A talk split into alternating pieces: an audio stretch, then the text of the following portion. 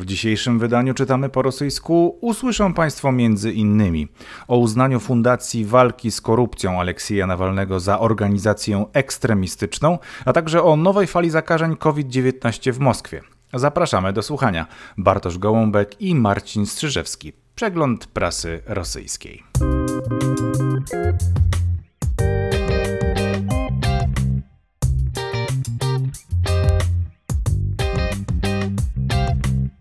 Dzień dobry wszystkim słuchaczom. Dzień dobry Marcinie. Dzień dobry Państwu. Zaczynamy e, kolejne nasze spotkanie e, wokół e, prasy, wokół doniesień z Rosji. Dzisiaj akurat odbył się w Rosji właśnie mecz piłkarski. Euro się rozpoczęło, piłka hula po stadionie. Już właściwie zakończył się ten mecz, w którym polska reprezentacja brała udział.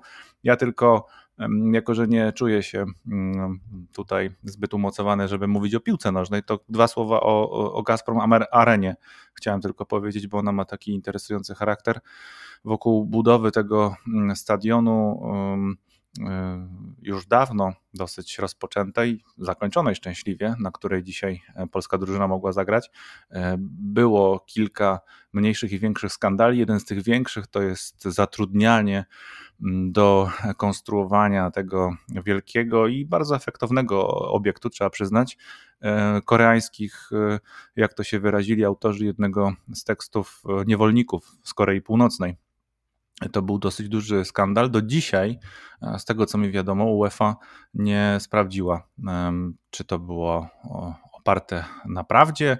Stwierdzenie autora mm, jednego z zachodnich e, periodyków, czy też jakiś wymysł. No ale wiele nitek poprowadziło rzeczywiście do jakiejś organizacji, która e, dostarczyła tych ludzi na budowę. Ale dzisiaj zaczynamy od e, Marcina mm, artykułów, tekstów, zjawisk, które wytypował dla nas, żebyśmy mogli zobaczyć, co słychać w Rosji. Marcinie, co tam w Rosji?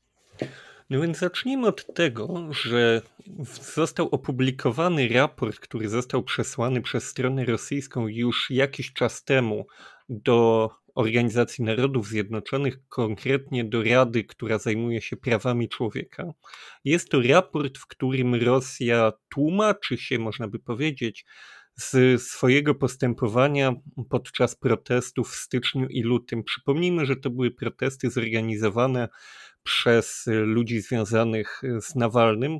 Tuż po tym, jak on został aresztowany, to były protesty, w których ludzie domagali się, by mm, Aleksja Nawalnego zwolniono z aresztu. I to jest ciekawa rzecz o tyle, że dzięki temu raportowi, który został opublikowany i do którego dotarły mm, rosyjskie media, dowiadujemy się, jaka była faktyczna skala aresztowań. I tutaj jest pewna niespodzianka, ponieważ mm, organizacje zajmujące się obroną praw człowieka w Rosji wcześniej doliczyły się około 11 tysięcy zatrzymanych podczas tych mitungów, uznawanych przez rosyjskie władze za mityngi nielegalne, zorganizowane bez pozwolenia władz, dodajmy to. Mm, podczas gdy ta liczba według raportu, oficjalnego raportu strony rosyjskiej jest y, dość wyraźnie wyższa, bo to nie było 11 tysięcy, tylko 17 600 zatrzymanych, przewiezionych na komisariaty i do aresztów. Także w zasadzie liczba o około połowę wyższa i faktycznie można by powiedzieć, że naprawdę duża. 17 mm, ponad tysięcy ludzi. Wydaje mi się, że w ostatniej historii Polski nigdzie nie byliśmy blisko, jeśli chodzi o liczbę zatrzymań. Nawet nie byliśmy rząd wielkości, mniej tylko parę rzędów wielkości niżej, jeśli chodzi o takie masowe zatrzymania przy okazji mm, tego typu protestów, dużych akcji ulicznych. Dodajmy przy tym, że Rosja przy okazji tego tłumaczenia się przed ONZ-em stwierdziła, że jej siły porządkowe, czyli przede wszystkim policja i Rosgwardia, nie zachowywały się w sposób, w jakikolwiek sposób niewłaściwy. Strona rosyjska oficjalnie uznała, że mundurowi działali adekwatnie. Przypomnijmy, że tutaj pojawiały się różne nagrania z tych protestów. Na tych nagraniach zdarzało się widzieć, jak y, policja i rozgwardia bije ludzi pałkami, używa paralizatorów. W tym na przykład widziałem takie, mm, takie wideo, na którym dwóch y, mundurowych prowadzi już obezwładnionego człowieka, człowieka, który nie stawiał już oporu. Jeden z tych mundurowych, mówię mundurowych, bo nie wiem, czy to była policja, czy rozgwardia, to nie jest jednak kluczowe. Jeden z tych mundurowych po prostu użył takiego paralizatora na tym człowieku. Ten człowiek ugięły się pod nim kolana, on się wywrócił.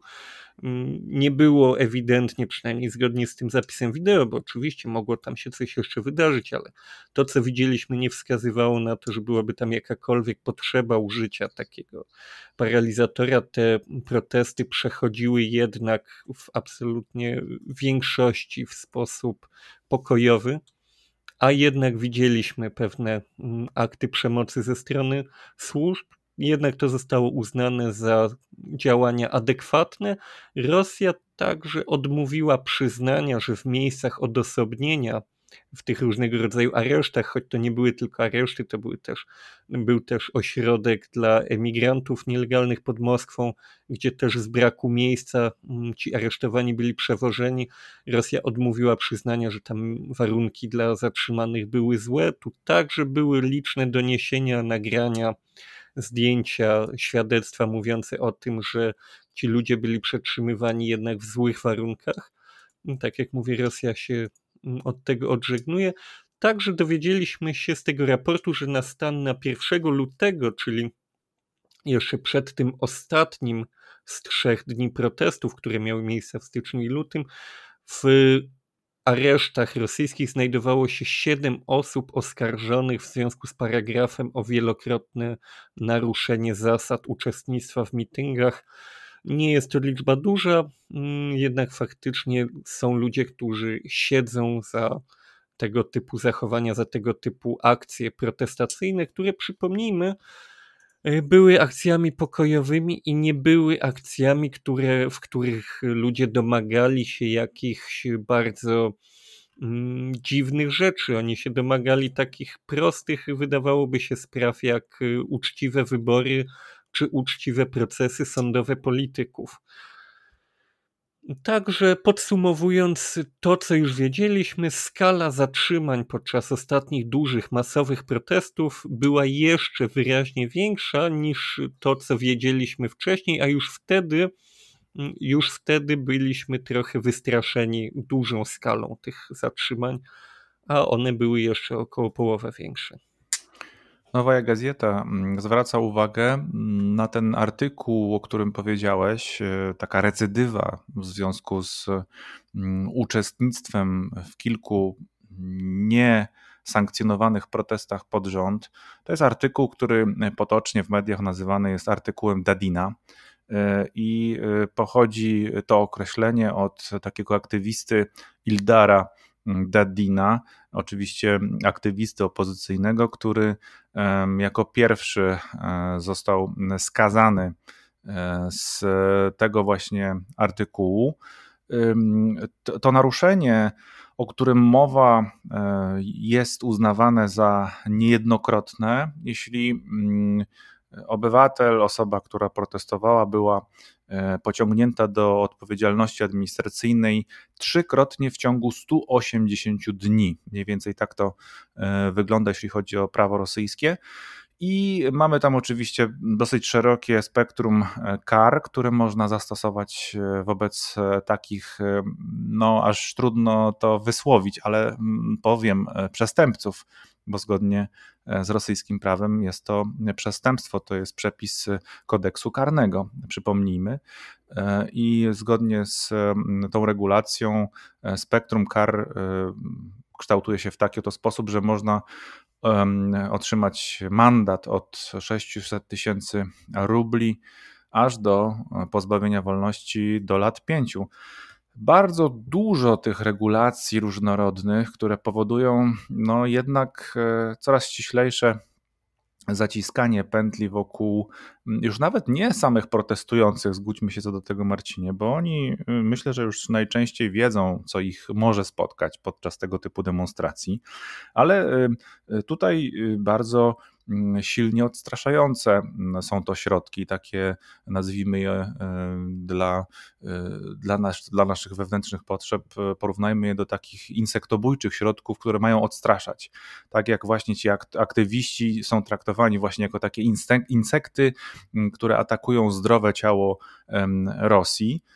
No ale są to obywatele Federacji Rosyjskiej i y, coraz więcej rzeczywiście tych, y, tych mm, pętelek jest tutaj e, zadzierzgniętych na ich swobodę wypowiedzi, swobodę protestu. Oczywiście to wszystko jest tutaj bardzo istotne. I to bardzo słuszne spostrzeżenie. Cyfra 17, ponad 17,5 tysiąca mm, ludzi to spory wynik. Y, nawet jak na tak e, Y, potężny w sensie y, liczby ludności kraju, jakim jest Rosja. Pamiętajmy, że te protesty najczęściej rzeczywiście odbywają się w dużych miastach, tam gdzie mm, ta swoboda, ta potrzeba swobody, mm, wolności wypowiedzi jest silniejsza, gdzie ludzie się mogą łatwiej zorganizować, gdzie mniejsza jest też presja społeczna, gdzie nie ma tak dużo e, ciś, takiego dużego ciśnienia, które może być przeciwko nim wykorzystane później, choćby w ich służbowych, codziennych, życiowych działaniach. Smutne, e, ale dobrze, że dowiadujemy się o tych sprawach. Przejdę znowu płynnie, bo te tematy nam się ładnie zazębiają często do sprawy sądowej, sprawy znacznie większego kalibru, sprawy konkretnego człowieka, bo tu mieliśmy 17 tysięcy ludzi, to już jest statystyka, a tu będziemy mieli konkretnego człowieka, Anatolija Bykowa. To jest bardzo ciekawy człowiek. Jeśli Państwo jeszcze nie oglądali, to mam na moim kanale na YouTubie odcinek, który, w którym dużo o tym człowieku opowiadam, ponieważ to jest jeden z prawdopodobnie liderów przestępczego świata Krasnojarska, który po upadku Związku Radzieckiego odegrał gigantyczną rolę w takiej, nazwijmy to, bandyckiej prywatyzacji miejscowych zakładów produkujących aluminium. Krasnojarsk to jest jedno z największych na świecie centrum produkcji tego metalu, bardzo cennego, bardzo potrzebnego, choćby dla przemysłu lotniczego. Ten człowiek przez długi czas był właśnie, można by powiedzieć, że mafiozem, a przy okazji przedsiębiorcą. On w pewnym momencie zalegalizował swoje interesy, był oficjalnie, mm, pełnił oficjalne funkcje w tym kombinacie metalurgicznym. Później został także lokalnym politykiem i w pewnym momencie jego kariera się skończyła. Oczywiście w w którymś momencie zostało uznane, że nie można go dłużej tolerować, bo to nie chodzi o to, że ktoś zauważył jego przestępczą działalność, ona była raczej dość głośna. W pewnym momencie jednak mm, ona została powstrzymana przez władze, a teraz wraca ten temat, ponieważ od zeszłego roku Anatolij Bykow znowu jest oskarżany o przestępstwa sprzed lat i dzisiaj mamy wiadomość o tym, że pojawiła się nowa sprawa, nowe oskarżenie, ponieważ Bykow jest od zeszłego roku oskarżany o zlecenie morderstwa Aleksandra Naumowa z 1994 roku. Dzisiaj dodatkowo się dowiedzieliśmy, że Sformułowano ostatecznie oskarżenie o kolejne zlecenie zabójstwa, tym razem przedsiębiorcy Andrzeja Niekolowa. Do zabójstwa miało dojść w roku 2005 i Bykow miał tutaj zlecić to mm, człowiekowi o, nazwis o nazwisku Żywica. To jest mniej, mniej ważny człowiek, ale który działał w gangu mm, człowieka o przezwisku Pasza Cwieta Muzyka który się nazywał Wilor Struganow, takie zabawne imię Wilor. Opowiadam o tym też na YouTubie, o tym imieniu przy okazji. I tutaj pojawia się też ciekawy wątek. Bykow twierdzi, że ta sprawa jest polityczna, ponieważ on nie boi się krytykować zarówno regionalnych władz Krasnojarska, jak i tych władz centralnych w Moskwie. On twierdzi, że ta sprawa karna z zeszłego roku i przy okazji ta dzisiejsza także są związane z tym, że jemu się kończył, skończył już zakaz kandydowania związany z wyrokiem sądowym wcześniejszym, więc mógłby teoretycznie próbować wrócić do polityki i właśnie wyciąganie mu tych starych spraw, z którymi oczywiście twierdzi nie ma nic wspólnego, jest według niego polityczną zagrywką władz, które nie chcą, żeby on wrócił do polityki i pociągnął za sobą e, tłumy ludzi, którzy by chcieli na niego głosować. co jest sprawą, muszą Państwo przyznać, dość ciekawą, jeśli mm, były lider przestępczości zorganizowanej wydaje się, że mógłby mieć faktycznie szansę z obecną władzą w jakimś, w jakimś głosowaniu lokalnym i że w związku z tym być może, bo nie wykluczam tego faktu, obecna władza walczy z nim, przypominając mu przestępstwa sprzed lat, które także tutaj nie zdziwiłbym się, gdyby były zupełnie realnymi przestępstwami. Tutaj znaczy jest... jest... Tak, tak. Mów śmiało. Tak sobie pomyślałem teraz, jak mówisz o tym, o tym konkurowaniu z, z politykami, że mm, może to mieć znaczenie dla takiego przeciętnego obywatela rosyjskiego, który mm, choć trochę ma mm, świadomości tego, jak zorganizowane były przynajmniej w latach 90., a nawet jeszcze w latach 80. te organizacje przestępcze. One funkcjonowały, jest takie określenie rosyjskie papanietiam, czyli miały dosyć e, jednolicie, dobrze skonstruowane to wewnętrzne prawo według, wobec którego były faktycznie mm, pod lidera e, organizacji przestępczej wszystkie e, te czynniki podłączone. I, i koordynacja tym była no, bardzo efektywna, bo tych e, liderów przecież wręcz Mm, w pewnym momencie historii kultury rosyjskiej wyniesiono na karty książek, e, zaczęto ich, e, ich biografię um, umocowywać w różnych filmach, może nie bezpośrednio było to widoczne, ale jednak tak. I w pewnym zakresie dla skorumpowanych władz, które żyły jednak z publicznych pieniędzy, te osoby, właśnie ten świat przestępczy zaczął być romantyzowany, to znaczy on się romantyzował mm, w obliczu tego, jak funkcjonowały i częściowo nawet pewnie też funkcjonują do dzisiaj rosyjskie władze, tak? Po prostu te regulacje, te wewnętrzne prawa e, przestępczych, e, mafijnych struktur są bardziej szlachetne dla wielu odbiorców, dla wielu, dla wielu obserwatorów życia publicznego niż nieprzejrzystość i stałe zmiany gry podczas gry, o czym przekonujemy się śledząc wydarzenia w Rosji niemalże każdego dnia. I być może to jest e, jakiś rodzaj wyjaśnienia, pokrętny pewnie, ale mimo wszystko y, no, mogący gdzieś y, sięgać do, do źródeł y, tych, tych ambicji wygaszenia właśnie aktywności Anatolia Bykowa. To są dość śmiałe teorie. Pozostawimy Państwu mm, ocenę tego, czy chcecie wierzyć, że faktycznie to w ten sposób wygląda. Ja postawię na tym, że my osobiście jesteśmy, stawiamy tu pytania bardziej niż dajemy odpowiedzi i nie jesteśmy pewni, ale może skończmy z, ze sprawami karnymi i przejdę teraz do innego tematu, który także wydaje się, że w tej chwili definiuje do pewnego stopnia i od pewnego czasu mm, tą pawiestkę dnia, że sobie pozwolę na rusycyzm, i wrócę do tematu koronawirusa. Faktycznie można odebrać wrażenie, że Rosja w tej chwili to są sprawy karne i wirus. Chociaż w ostatnim czasie wydawało się, że ta pandemia w Rosji trochę cichnie. Wielu ludzi pisze, ja mam na swoim kanale sporo ludzi, których kwalifikuję jako przykre stwierdzenie, ale rosyjskich troli, czyli takich ludzi, którzy próbują dokonywać projekcji zdania Kremla na temat rzeczywistości na polskojęzycznych kanałach. Oni tam często się wręcz chwalili, że w Rosji są otwarte restauracje, otwarte puby, że tej pandemii nie widać, że obostrzeń jest niewiele, że życie wraca powoli do normy. I faktycznie to się obserwuje w tej chwili, tak jak wspominałeś, na początku odbywał się mecz, jeden z mecz Euro w Rosji. Czytałem wywiad kolegi po fachu, kolegi z dawnej pracy, to znaczy dziennikarza Onetu, który pojechał do Petersburga obejrzeć jeden z meczów i napisał, że trafił do alternatywnej rzeczywistości, w której mm, o jakiejś dystansie społecznym, o zamkniętych lokalach, o chodzeniu w maskach nie ma mowy. Mm, pisał, opisywał to miejsce jako miejsce, które wygląda dziwnie, ponieważ wygląda zupełnie jak sprzed pandemii.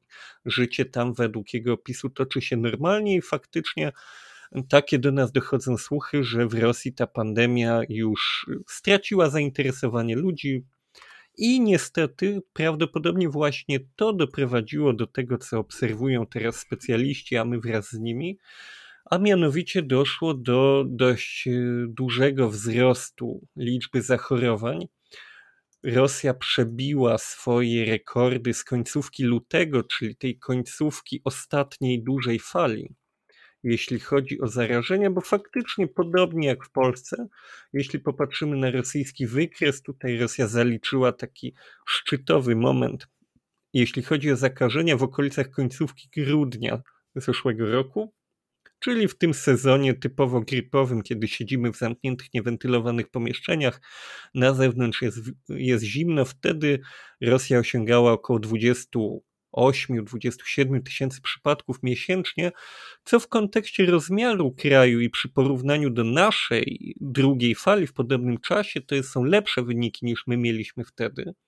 Więc y, można by powiedzieć, że Polska wtedy miała sytuację trudniejszą. Natomiast o ile w Polsce po tej fali udało nam się zejść do dość niedużych wyników, około, no w tej chwili już w ogóle mamy w setkach liczone te przypadki, już od dość dawna mm, udało się zejść do tych wartości poniżej 2000 miesięcznie. Rosja tutaj cały czas od marca mm, tkwiła na takiej wypłaszczonej linii na poziomie między 8 a 9 tysięcy nowych zakażeń dziennie.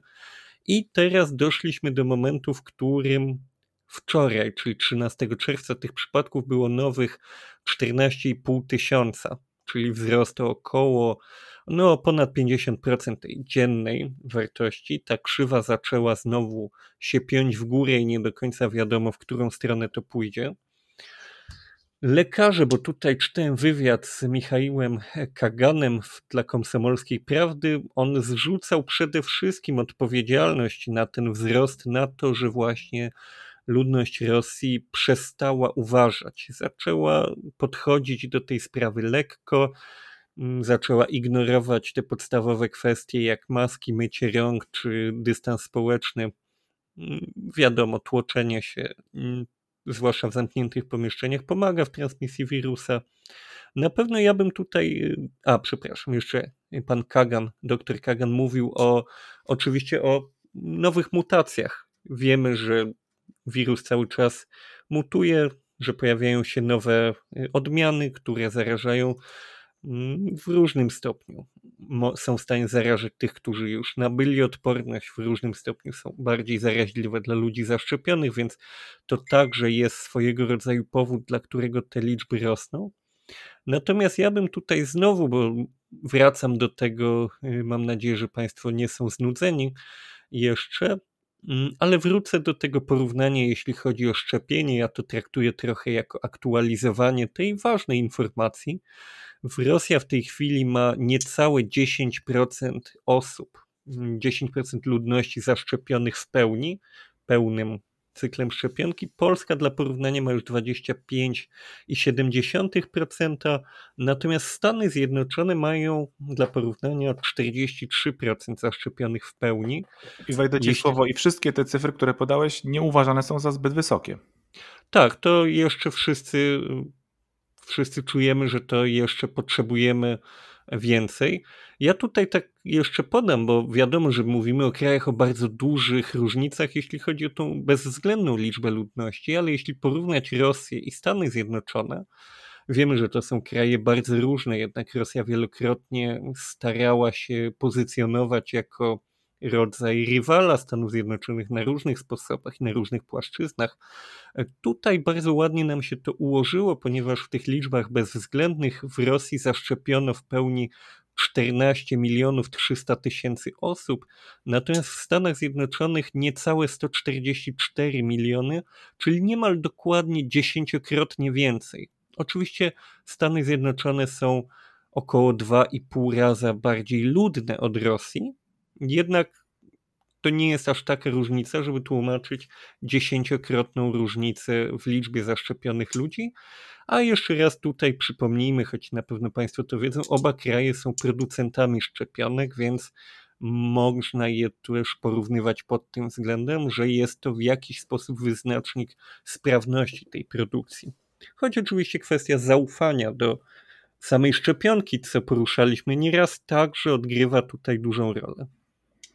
Co do kwestii szczepień, y, w ubiegłym weekend, a dokładnie y, rzecz ujmując, jeszcze do tego będziemy nawiązywać, 12 mm, czerwca y, w sobotę, podczas wręczania nagród państwowych na Kremlu, Władimir Putin rozmawiał z nagrodzonymi właśnie uczonymi którzy związani są z centrum, centrum e, oczywiście e, Gamaliei, o którym też już Państwu mówiliśmy kiedyś. Mm, byli to mm, pan dyrektor tego centrum epidemiologii i mikrobiologii mm, Aleksandr Ginsburg i e, także jeden z wiodących analityków, badaczy tego centrum pan e, Denis e, Logunow. E, Kreml, służby prasowe Kremla w taki dosyć sprytny sposób, jak to zwykle bywa z Kremlem, zamieściły na witrynie oficjalnej, mówię o stronie kremlin.ru, mm, taką jakby swobodną rozmowę e, prezydenta Putina z e, tymi osobami nagrodzonymi e, i znaczna część tego dialogu właśnie poświęcona jest szczepieniom, szczepionkom i wirusowi. I panowie badacze którzy się tam wypowiadają, e, no mówią właśnie też o tym, że nawet w samej Moskwie już wykryto kilka wariantów wewnętrznych, takich moskiewskich. Mm, po rosyjsku ten, ten wariant, ten, e, ten, ta modyfikacja wirusa nazywa się sztampem. No i oczywiście padają pytania e, o demokrację w związku z e, obowiązkiem bądź brakiem obowiązku zaszczepienia mm, większej e, liczby ludzi. I to jest pewien paradoks oczywiście e, we współczesnej Rosji, kiedy mówi się o tym, że jest to kraj nie w pełni demokratyczny, który ciąży ku autorytaryzmowi, samowładztwu, dyspozycji władzy z, z, jednego centrum, kiedy nie ma sposobu, nie ma metody, a może nie ma woli, bo to już e, jest innego rodzaju pewnie mm, przeświadczenie, e, do tego, żeby rzeczywiście zmobilizować większą liczbę osób, żeby się zaszczepiły, jeśli te szczepienia oczywiście są e, jak najbardziej sprawdzone, zweryfikowane przez nagrodzonych bardzo wysokimi państwowymi nagrodami mm, uczonych. Ich autorytet to potwierdza, potwierdza to także prezydent, który również, przypomnijmy, zaszczepił się już jakiś czas temu, co prawda nie ogłaszając, którą ze, szczepień, ze szczepionek przyjął mm, w związku z, z COVID-em. Wiemy też skądinąd, i to się Marcinie przecież potwierdza, że e, jeśli ktoś ma ochotę spotkać się z prezydentem, to wiemy akurat mm, w kontekście ubiegłotygodniowych naszych rozważań o Międzynarodowym Forum Ekonomicznym w Petersburgu, że wszyscy, którzy mają ochotę w jednym pomieszczeniu przebywać z prezydentem Rosji, wciąż e, są bardzo wnikliwie sprawdzani pod kątem obecności mm, e, wirusa i to akurat e, ten reżim bezpieczeństwa jest cały czas podtrzymywany. Zakładamy, że służby właśnie chroniące prezydenta Rosji doskonale i sam prezydent doskonale rozumieją, że wciąż e, jest spore ryzyko i ono teraz się właśnie niestety w Moskwie ponownie objawiło. Więc jeśli pozwolisz, e, przechodzimy teraz do wątków które mm, ja odnalazłem i one będą w, dużym, w dużej mierze zamykały, domykały te konteksty, o których e, ty dzisiaj powiedziałeś.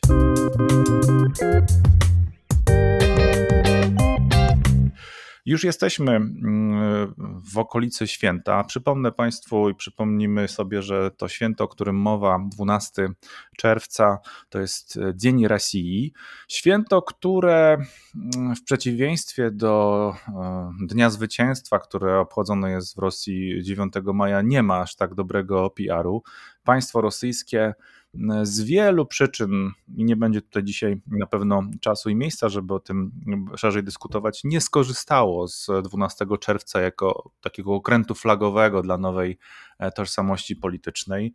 Jednym z chyba z podstawowych jest to, że wielu Rosjanom, którzy pamiętają 12 czerwca, kojarzy się to nieodłącznie jednak z upadkiem Związku Radzieckiego, pośrednio oczywiście. To nie jest dzień upadku Związku Radzieckiego, ale ogłoszenie mm, suwerenności przez Federację Rosyjską, jeszcze radziecką zresztą, czyli przez największą republikę, no, które uruchomiło lawinę e, tak, zwanych, tak zwaną Paradę Niepodległości i to się nie kojarzy najlepiej, zwłaszcza w państwie, które mm, budowane jest pieczołowicie od kilkunastu dobrych lat, e, choćby przez Władimira Putina, ale dzień czerwony w kalendarzu pozostał, czyli dzień wolny, Stąd też te nagrody państwowe, o których przed momentem mówiliśmy, stąd też e, tak lubiany e, bardzo przez Rosjan i nie tylko Rosjan pokaz sztucznych ogni, koncerty, ale wszystko to ma zupełnie inną rangę, taką, ja bym to powiedział tak, dosyć rozmytą w porównaniu z twardego jądra, jakim jest 9 maja. To jeszcze raz warto przypomnieć, że to jest e,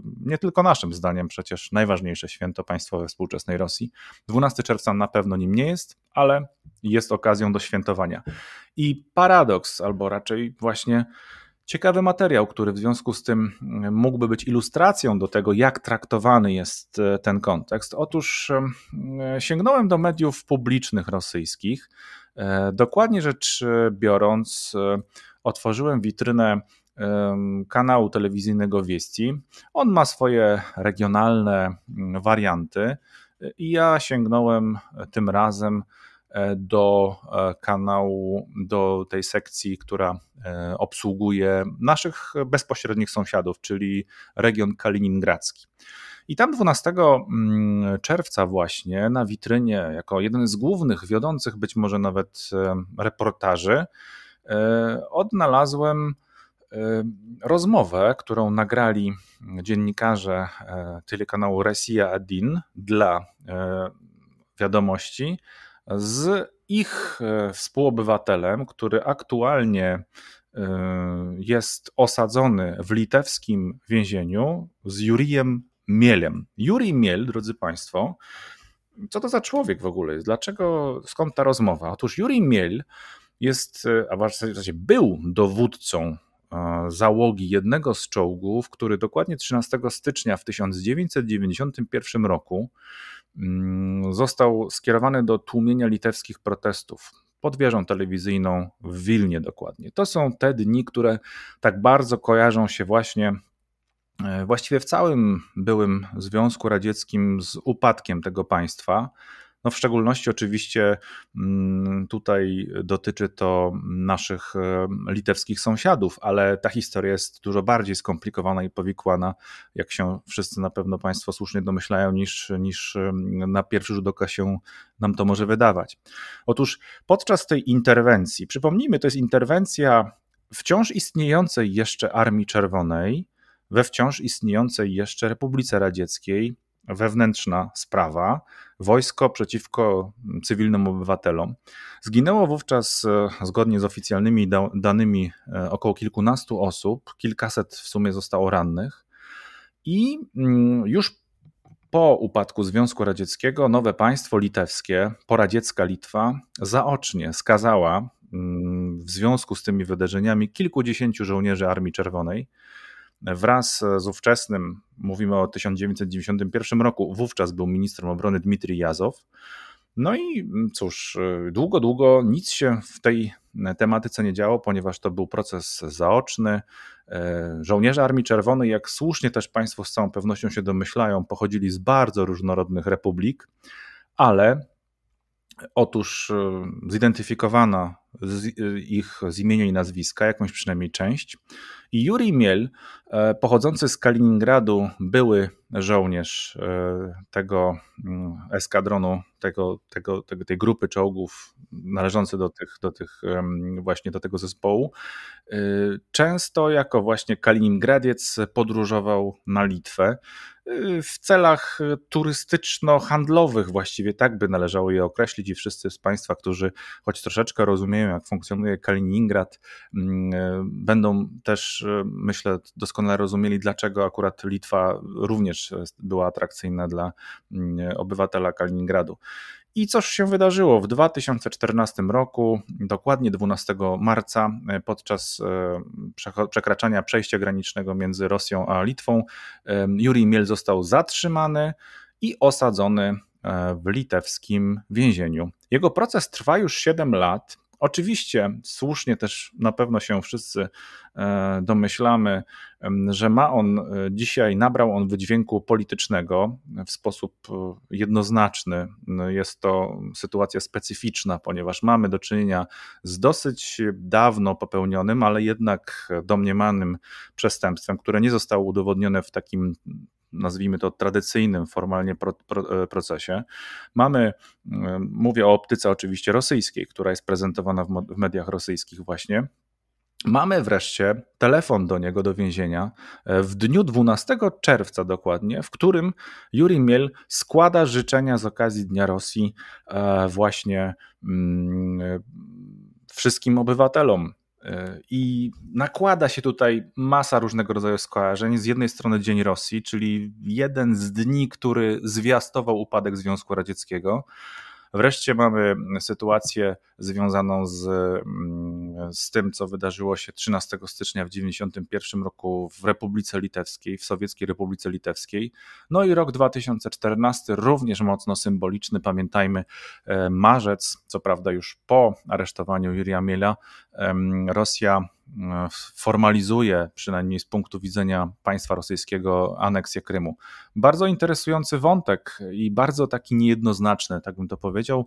Rzeczywiście, mm, szczególnie jeśli chodzi o Litwę, która w ostatnich czasach, nie wiem jak tobie Marcinie, e, się to może rzuciło w oczy, ale ostatnio przynajmniej jeśli chodzi na przykład o kontekst białoruski, e, ale nie tylko, wydaje się naprawdę e, mm, dosyć aktywnie działać na tej linii sporu informacyjnego e, z Rosjanami. E, prezydent Gitanas Nauseda nawet na Twitterze, widziałem to, mm, skierował życzenia w języku rosyjskim do obywateli rosyjskich z okazji 12 czerwca właśnie, w takim duchu, że no, liczymy na to, że wolność i demokracja, bo do tego właściwie odwołuje się to święto 12 czerwca, będą w Rosji jeszcze kiedyś zwyciężały.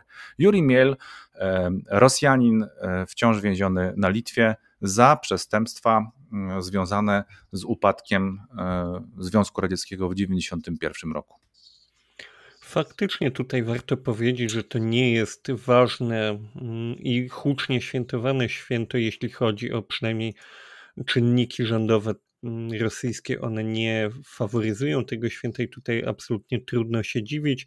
Wszyscy pamiętamy te bardzo sławne mm, słowa Władimira Putina, który stwierdził, że upadek Związku Radzieckiego był największą tragedią. Mm, on chyba to ujął, że w polityce XX wieku, jednak to nie jest najważniejsze. Najważniejsze jest to, że on nazwał upadek Związku Radzieckiego tragedią. Po jego polityce także widzimy, że on zdecydowanie widziałby chętnie powroty tych czasów imperialnych radzieckich, więc święto, które upamiętnia koniec tamtych czasów, raczej nie może mm, zdobywać jego dużej sympatii. Raczej możemy założyć, że jego otoczenie wyznaje podobne wartości i ma podobne zasady, w związku z czym, tak jak mówię, nie jest to ważne święto. I faktycznie tak, zaobserwowałem, że Litwa mm, jest aktywna wręcz na granicy takiej postawy, no agresywna jeszcze nie jest, to już za mocne słowo, ale gdzieś na granicy takiej postawy konfrontacyjnej, bym powiedział. O, to jest, to jest lepsze słowo tutaj. Mm, prawdę mówiąc, ta sytuacja, mm, sytuacja pana Jurija jest dla mnie sytuacją nową, nie słyszałem o niej wcześniej. Natomiast tutaj się rodzi kilka pytań, bo zdecydowanie czuć, że są to wątki dużej polityki, w tym sensie, że jednocześnie mówimy tutaj o wydarzeniach właśnie z czasów upadku Związku Radzieckiego, z drugiej strony mówimy o aresztowaniu w roku 2014, w którym mm, to konkretne aresztowanie także mogło mieć swojego rodzaju wymiar polityczny mogło być swojego rodzaju demonstracją. I tutaj oczywiście nie jestem ani sędzią, ani nie zbadałem dokładnie akt sprawy. Trudno mi powiedzieć, w jakim stopniu ten człowiek faktycznie może być odpowiedzialny za ludzi, którzy zostali mm, poszkodowani w tamtych trudnych czasach mm, na Litwie. Jednak z drugiej strony gdzieś każe mi ta sytuacja zadać sobie pytanie, czy na pewno żołnierz, który mm, został po prostu wsadzony przez swoich y, przez swoich y, dowódców do czołgu i został mu wydany rozkaz. Pytanie oczywiście, jaki to był rozkaz i w jaki sposób on się z tego rozkazu wywiązał, bo pamiętajmy, że ta linia obrony wykonywałem tylko rozkazy już w określonych historycznych sytuacjach się skompromitowała i nie można też tłumaczyć wszystkiego w taki sposób. Jednak tutaj powstaje pytanie, czy ten człowiek na pewno przekroczył gdzieś granicę i na ile to więzienie dla niego jest y, słuszne, a na ile jest motywowane politycznie. Na pewno warto byłoby tę sprawę głębiej zbadać, bo prawdę mówiąc budzi trochę niepokoju. Mm, wydaje mi się, że jeśli takie sytuacje się pojawiają, to powinniśmy tutaj zachować pewną równość, jeśli wydarzają się mm, niesprawiedliwe sądy polityczne w Rosji i zdarzają się takie w Unii Europejskiej, to w obu przypadkach powinniśmy pozostać równie sceptyczni wobec nich. Aczkolwiek, tak jak mówię, nie jestem mm, znawcą tej sprawy i trudno mi określić, na ile faktycznie ten człowiek był odpowiedzialny za faktycznie poszkodowanych w tamtych wydarzeniach. Pozostaje mi wyrazić nadzieję, że litewski sąd tutaj nie zboczył nigdzie mm, z tej dobrej ścieżki i że ta sprawa nie ma w sobie motywacji politycznej i na pewno będę e, zainteresowany, żeby zbadać tę sytuację lepiej. No, sprawa jest e, niezwykła e, ze wszech miar, bo faktycznie mamy do czynienia z pewnego rodzaju wyciągnięciem symbolu. Mm, można by powiedzieć nawet, że mm, pan Juri jest teraz swoistym takim, takim, taką ofiarą złożoną na ołtarzu upadku Związku Radzieckiego. Zupełnie słuszne są Twoje intuicje. Rozkaz, ludzie w czołgu, z całą pewnością, nawet jeśli można byłoby pociągać do odpowiedzialności tych żołnierzy, to myślę, że tutaj należałoby mm, zweryfikować e, wszystkie ścieżki dostępu do sądu, może nawet wojskowego. Na pewno zrealizować to w jakimś porozumieniu z państwem e, rosyjskim, zastanowić się, na ile państwo litewskie wówczas też nie sprzyjało tego typu interwencji. Ówczesne nie państwo samodzielne, oczywiście tylko Republika Litewska, bardzo dużo różnych e, kontekstów. Sprawa jest rzeczywiście interesująca, ciekawa. Widać wyraźnie, że eksploatowana przez media rosyjskie teraz przy okazji 12 czerwca w sposób taki e, no, dosyć dobrze zorganizowany, z premedytacją. Głos mm, aresztowanego był słyszalny dla wielu zainteresowanych, no i oczywiście Ziemliak, prawda, człowiek z Kaliningradu. Przypomnijmy zresztą, że to nie jest obywatel, pierwszy obywatel e, i, i jedyny obywatel, który jest więziony w sąsiednich e, krajach z tych głośnych oczywiście nazwisk, który ma paszport rosyjski, bo e, jak doskonale wszyscy na pewno pamiętają, e, stosunkowo niedawno mm, została zatrzymana również e, pani Sofia Sapiega, czyli mm, partnerka życiowa aresztowanego na, w Białorusi, w Mińsku Ramana Pratasiewicza. Pani Sapiega jest mm, obywatelką Federacji Rosyjskiej, zresztą e, stosunkowo niedawno także wystosowała do swoich bliskich list mm, albo umożliwiono jej taką korespondencję, w której pisze o y, pewnego rodzaju żalu, że tak się potoczyły jej sprawy. Y, też ważna, ważna postać, z tym, że akurat tutaj Białoruś należy do ścisłego kręgu współpracowników y, Rosji, czego o Litwie w tym momencie, słusznie jak mówiłeś, biorącej raczej konfrontacyjny kurs, powiedzieć nie można. Stąd też myślę, że dla równowagi te, te sprawy będą jeszcze na pewno w mediach rosyjskich w różny sposób przedstawiane i warto faktycznie je prześledzić.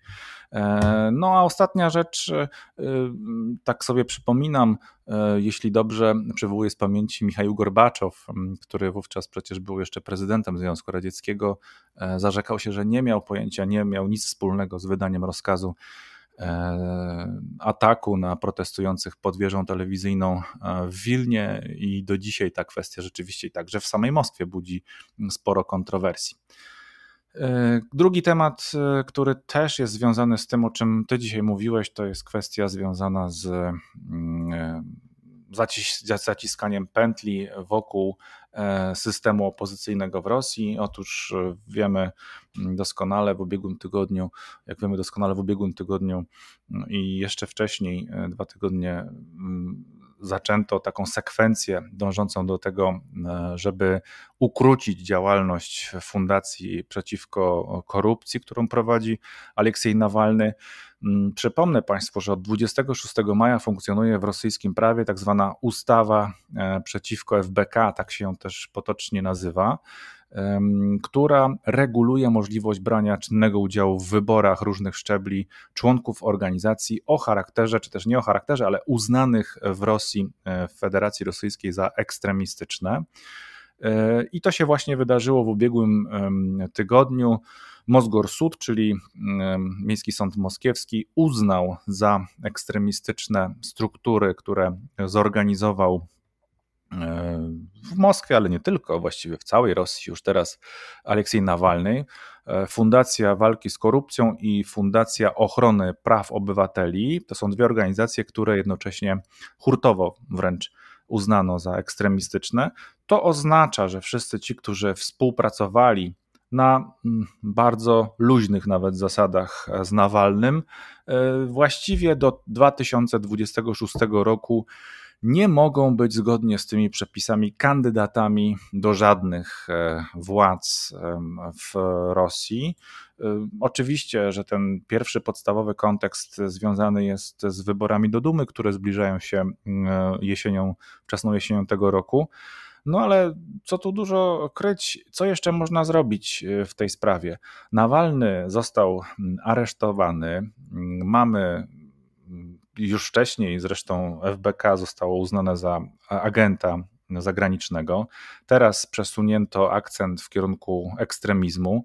E, w związku z tym też e, kilka ciekawych tekstów pojawiło się wokół tych, tych decyzji, nowych decyzji państwowych. Mm, jeden z nich bardzo interesujący na portalu Projekt Media, jak polityka stała się ekstremizmem. Taki analityczny, długi, i e, nawet nie bardzo długi, ale pogłębiony mm, w, w, precyzyjnych wymiarach e, czasowych tekst pana Pawła Cikowa, który pokazuje, jak od 20 lat zmienia się wewnętrzny wróg w Rosji, jak zmienia się użytkowanie, korzystanie ze słowa ekstremizm. Mówiliśmy o tym w naszym ubiegłotygodniowym spotkaniu, ekstremizm zamiennie z terroryzmem.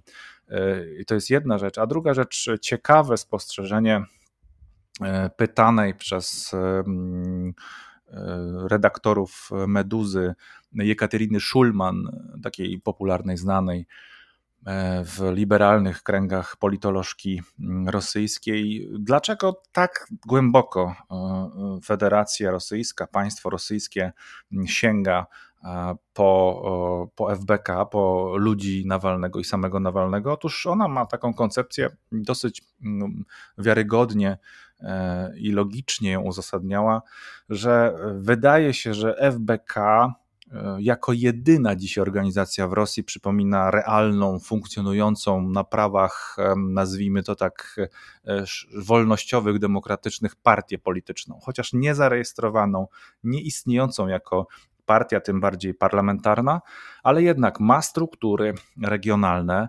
Na przykład odróżniają to od LDPR Żyrynowskiego. Żyrynowski tylko aktywizuje swoje mm, struktury regionalne podczas wyborów i nie ma ich też wszędzie. Nie musi ich mieć po prostu, bo jest partią e, sponsorowaną przez e, Kreml pośrednio czy bezpośrednio. A FBK Nawalnego ma struktury, ma program, ma charakterystyczną identyfikację wizualną, za którą zresztą też można teraz pójść siedzieć mm, w Rosji. Jeśli ktoś objawi się z logotypem FBK, z plakietką lub z jakimś badgem, ma też charyzmatycznego lidera, no i ma jakiś plan polityczny. Tak? Ten plan polityczny jest na celowniku. Otóż oczywiście sąd moskiewski uznaje, że FBK chce obalić system rosyjski, zbudować w jego miejsce coś nowego.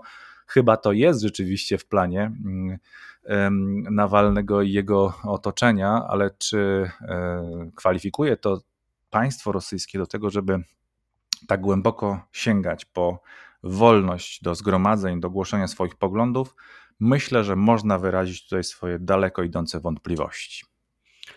Zdecydowanie tą walkę z ogólnie bardzo szeroko pojętą opozycją ze strony rosyjskich władz obserwujemy od bardzo dawna. To był długotrwały proces, mm, w czasie którego żaden krok przez długie lata nie wywoływał mm, jakiejś reakcji, mm, zdecydowanej reakcji, zdecydowanej odpowiedzi. To się czasem o takim procesie mówi gotowanie żaby, bo żaba tak przystosowuje się do coraz cieplejszej wody, że ostatecznie nawet nie jest pewna, kiedy została ugotowana.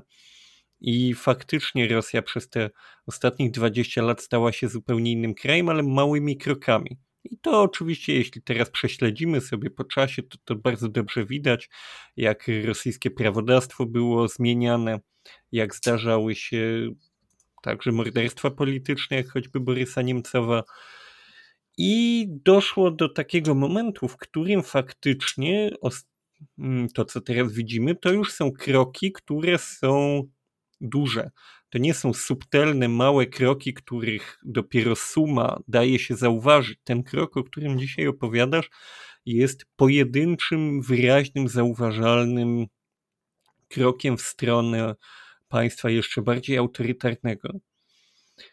I tutaj warto sobie zadać pytanie, czy nie wynika to z tego, że Kreml albo się mylił, albo kłamał przez wiele lat, ponieważ bardzo długo słyszeliśmy ze strony samego Władimira Putina, czy ogólnie ludzi związanych z Kremlem, Dmitrija Pieskowa i tak dalej, słyszeliśmy bardzo lekceważące wypowiedzi na temat Nawalnego.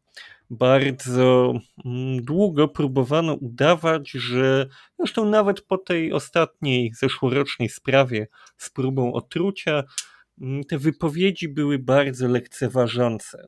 Pamiętamy, jak Władimir Putin mówił, że chcieliby otruć, to by otruli, ale wiecie sami państwo, ha, ha, ha, po co on komu, kto by miał to robić, dlaczego, po co.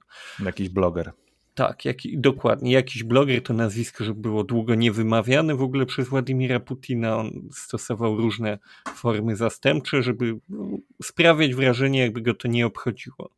A jednak teraz widzimy po Mm, tej potężnej skali mm, odpowiedzi państwa na całą sytuację, widzimy, że jednak pewna obawa przed tym człowiekiem i tak jak mówisz, przed jego organizacją istnieje, bo to jest człowiek, który był właśnie, jego rola była umniejszana, on był przedstawiany właśnie jako bloger, jako człowiek, który coś tam sobie gada na YouTubie, a to był człowiek, który zebrał e, dużą organizację, Mm, oczywiście to dla, w wielu momentach było przedstawione jako zarzut wobec niego, ale zebrał dla tej organizacji finansowania.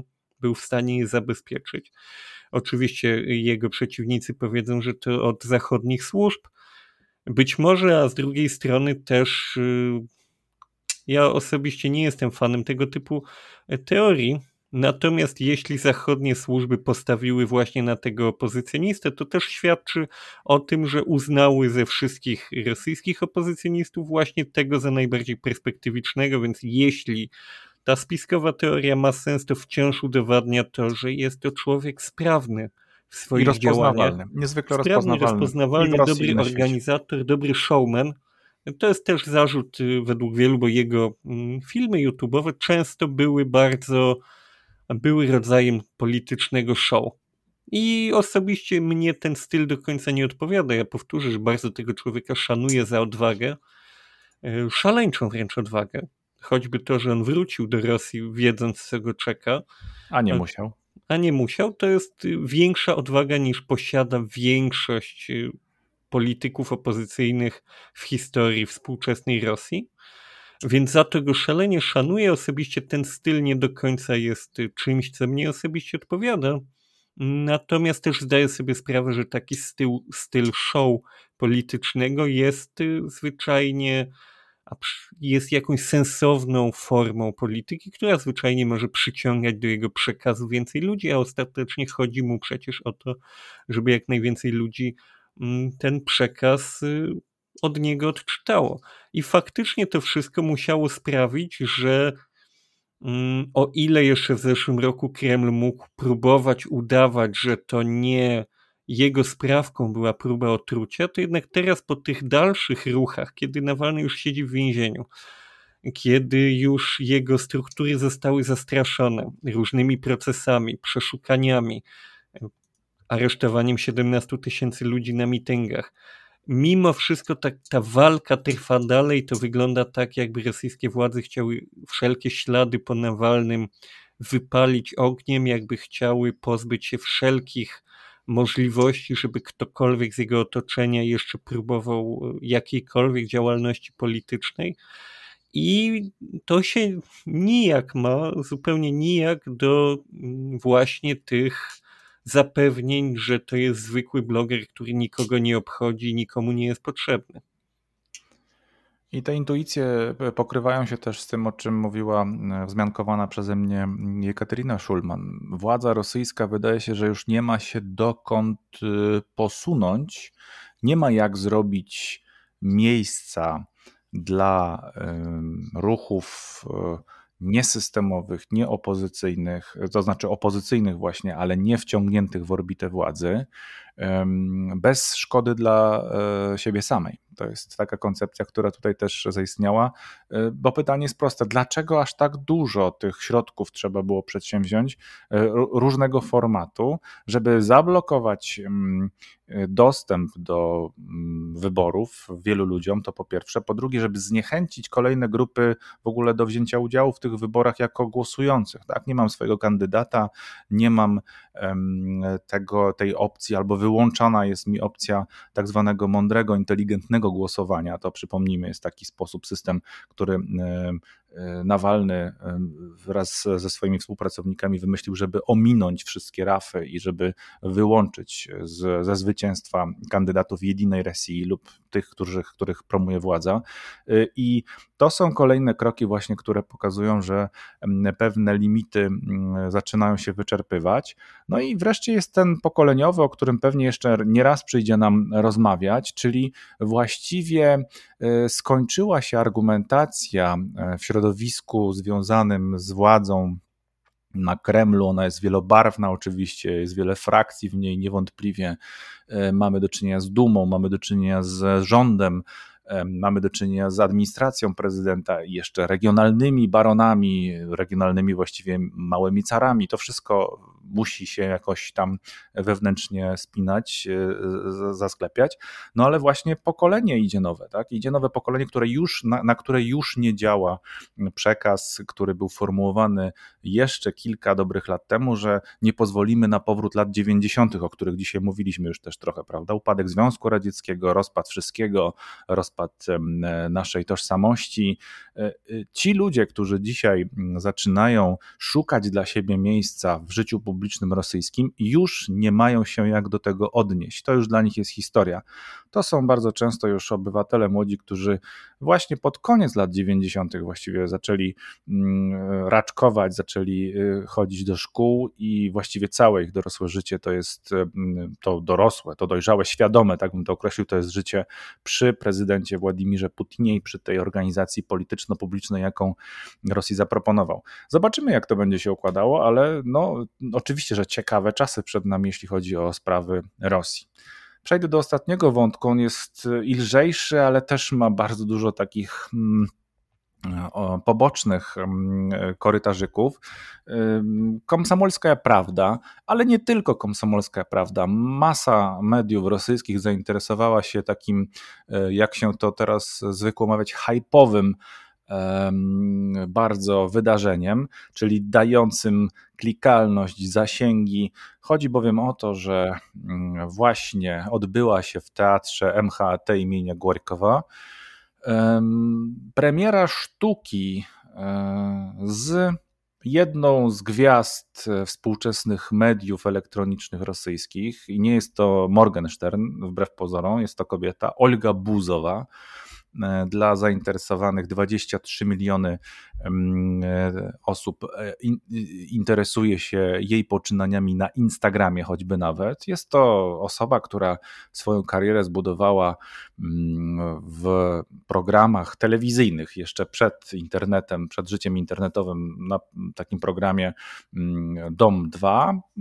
Na pewno Państwo, którzy troszeczkę rosyjskim e, światem medialnym się interesują, słyszeli o tym formacie telewizyjnym, który e, no, ma charakter takiego reality show. Olga Buzowa oczywiście mm, e, umiejętnie poprowadziła swoją karierę tak, żeby stać się no, swoistą marką tak, w, w przestrzeni mediów rosyjskich i teraz no, dochodzi do pewnego rodzaju obrazoburstwa dla wielu. Tych e, urażonych e, można naprawdę sporo wytypować. E, jednym z nim, z jednym z tych bardziej oburzonych jest na przykład Aleksiej Puszkow, senator, autor programu Postscriptum w telewizji TV Centr. TV Centr jest telewizją należącą do mm, miasta Moskwy, więc właściwie telewizją publiczną i on tam właśnie zwraca się do widzów, że no, to jest skandal, że Olga Buzowa bez wykształcenia aktorskiego została zaproszona на дески так szlachetnego театру. И последнее. О скандале вокруг приглашения бывшей участницы «Дома-2», а ныне то ли певицы, то ли инстаграмщицы Ольги Бузовой на сцену МХАТа имени Горького. Худрук театра Бояков пригласил ее на роль в постановке «Чудесный грузин» о молодом Сталине что само по себе вызвало много вопросов, но ладно бы он этим ограничился. Однако, объясняя свой выбор, Худрук решил развести философию и заявил «Сегодня смысл там, где Бузова». Вот оно как. Бузову нам предлагают как некий новый смысл. No ale też e, spektakl jest interesujący ponieważ, drodzy Państwo, on e, właściwie jest zaprojektowany e, w też dosyć prowokacyjny sposób i opowiada o życiu młodego Josifa Dżugaszwili, znanego nam wszystkim e, lepiej na pewno i bardziej pod pseudonimem Stalin. Tytuł tego spektaklu to Ciudesny Gruzin, tak się miał zwracać, czy też tak miał opisywać Stalina Lenin, cudowny, niezwykły Gruzin, tak można byłoby to w wolnym tłumaczeniu mm, Państwu przekazać, a e, piosenkarka, instagramerka Swiecka Elwica, czyli e, celebrytka, e, tak często się mówi o mm, osobach, które taki mają amplua medialne. Buzowa gra tam rolę kabaretowej piosenkarki Belli Chantal. No i oczywiście mm, to jeszcze nic, wszystko co Państwu powiedziałem. Nie jest jeszcze problemem tak naprawdę eksponowanie ponowne mm, biografii Josifa mm, Dżugaszwili, e, nawet tej przedrewolucyjnej, bo spektakl MCHAT rozpoczyna się od 1924 roku, kiedy to Stalin został wybrany na pierwszego sekretarza partii komunistycznej. E, Związku Radzieckiego, to wszystko e, jest tam poukładane w, w takim koncepcie. Mm, no, wydaje się nawet, jak popatrzyłem sobie na niektóre urywki w YouTubie, nawet muzyk, muzykalowym e, w niektórych sekwencjach, ale y, dużym problemem dla y, sporej części audytorium, obok też zaangażowania buzowej, jest koszt, koszt tego przedsięwzięcia. Gigantyczne koszty mm, w niespecjalnie rozpieszczanej finansowo też tej przestrzeni kultury rosyjskiej. Honorarium gwiazdy, która spowodowała no, zwrócenie uwagi na pewno i na teatr, i na przedstawienie, e, miało wynosić około 440 mm, e, tysięcy rubli. No i oczywiście tutaj e, główny mm, artysta tego teatru, Hudruk, czyli художественный руководитель, dyrektor artystyczny Eduard Bojakow, e, niezwykle chwali na konferencjach prasowych mm, panią e, Olgę e, Buzową za jej zdyscyplinowanie, za jej zaangażowanie w odgrywaną rolę. Mm, no jest to temat w mediach rosyjskich, który mm, bardziej dzieli niż łączy, dzieli pokoleniowo, na pewno dzieli również politycznie. E, Stalin wraca e, trochę tylnymi drzwiami jako prowokator, tym razem e, na deskach teatru MHT imienia Głorykowa. Kiedy opowiadałeś o tym, przypomniałem sobie książkę, którą czytałem jakiś, jakiś czas temu. Niestety nie jestem, proszę Państwa, pewny, czy ona jest dostępna w języku polskim, e, ponieważ oczywiście czytałem po rosyjsku. To była książka Olgi Edelman, Stalin, Koba i Soso. Maladoj Stalin w historycznych istocznikach, czyli Stalin, Koba i Soso to różne przezwiska tego człowieka, młody Stalin w historycznych źródłach. Cała ta książka w zasadzie, jeśli by miał Państwu streścić, o co w niej chodziło, chodziło w niej o to, że pani udowadniała, zresztą całkiem sensownie, że w zasadzie nie mamy żadnych e, pewnych, jednoznacznych i obiektywnych źródeł dotyczących życia młodego Stalina, ponieważ on początkowo jako syn prostych ludzi z niewielkiej miejscowości Gori. To jest trochę na północny zachód od Tbilisi, czyli stolicy Gruzji. Mm, człowiek urodzony w bardzo prostej, zwykłej rodzinie nikogo początkowo nie obchodził. No to jest zawsze problem z na przykład datą urodzenia wielkich ludzi. Kiedy oni się rodzą, często nikt nie wie, że oni będą wielcy. W związku z czym Nikt tego nie zapisuje, nikt tego nie spisuje, nikt się tym nie interesuje specjalnie. Później oczywiście on zajął się działalnością mm, podziemną i częściowo kryminalną. I tu oczywiście już zaczynają się schody, bo niektórzy twierdzą, że Stalin był dużym graczem w tym kaukaskim półświadku. Inni twierdzą, że to tylko legendy. Mamy różne dane z dokumentów policyjnych, jednak policja patrzyła na tego młodego człowieka jako na mm, no, kryminalistę, w związku z czym też nie była w pełni obiektywna w swoich ocenach czy w swoich mm, dokumentach. Zresztą duża część dokumentów także nie przetrwała. Ten człowiek dość długo był u władzy i niespecjalnie lubił mm, świadectwa swoich dokonań był dość świadomy tego, że ślady po sobie warto zacierać. Więc na początku on był człowiekiem, który działał jako mm, podziemny działacz ruchu, którego państwo nie lubiło, natomiast później w pewnym momencie stał się przeciwnikiem dużej części społeczeństwa, a z drugiej strony idolem dużej części społeczeństwa, więc bardzo trudno według tej książki znaleźć jakieś um, niestronnicze źródła mówiące o tym, kim był Stalin, co przeżył, e, w jakich wydarzeniach brał udział, bo albo mieliśmy do czynienia z pochlebcami, albo wrogami tego człowieka, albo z białymi plamami w jego historii, ponieważ jakieś dokumenty zostały usunięte, czy zostały, zniknęły po drodze.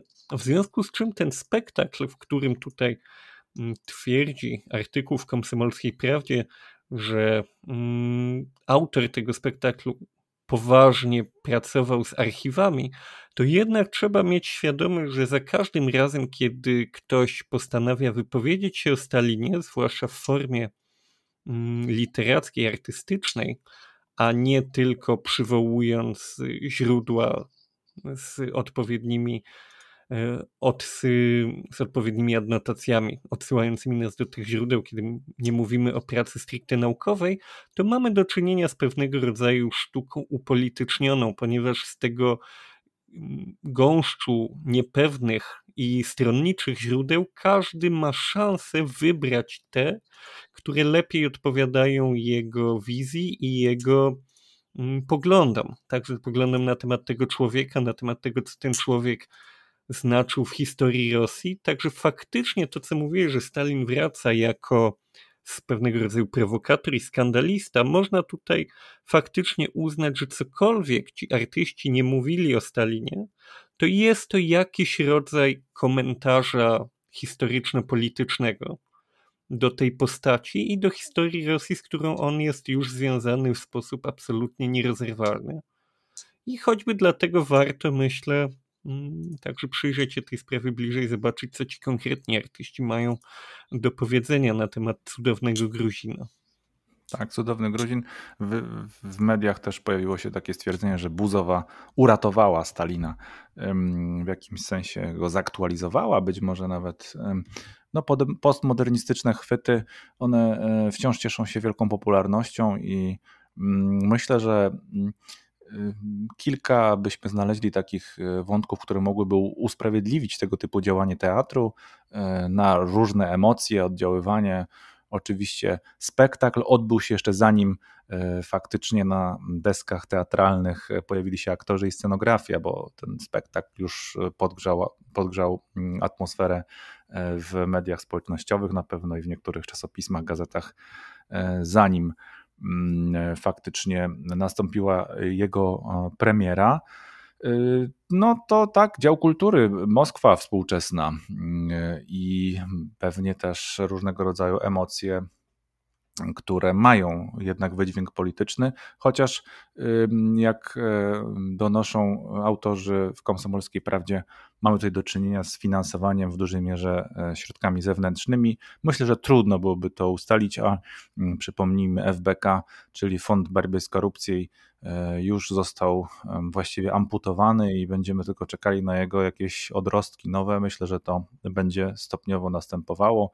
Rozproszeni nie tylko po Rosji, ale już też po części po świecie ludzie związani z, z tymi badaniami, e, które zapoczątkowali mm, przy Nawalnym, myślę, że będą cały czas realizowali. No i mm, czekamy e, cierpliwie na rozwój sytuacji w Rosji również w tym kontekście.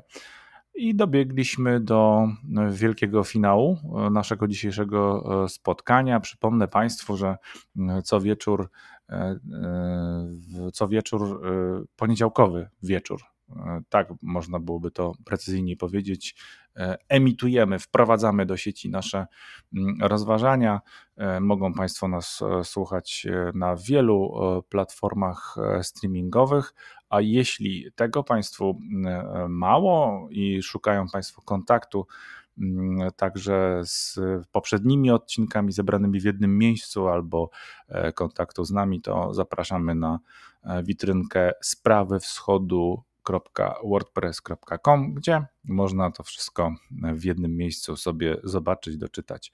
E, tak wyglądał tydzień 23 roku 2021 i rozmawialiśmy o nim z Marcinem Strzyżewskim. Dziękuję Ci Marcinie za spotkanie. Dziękuję Ci, dziękuję Państwu za to, że nas słuchaliście. Dziękujemy, do usłyszenia.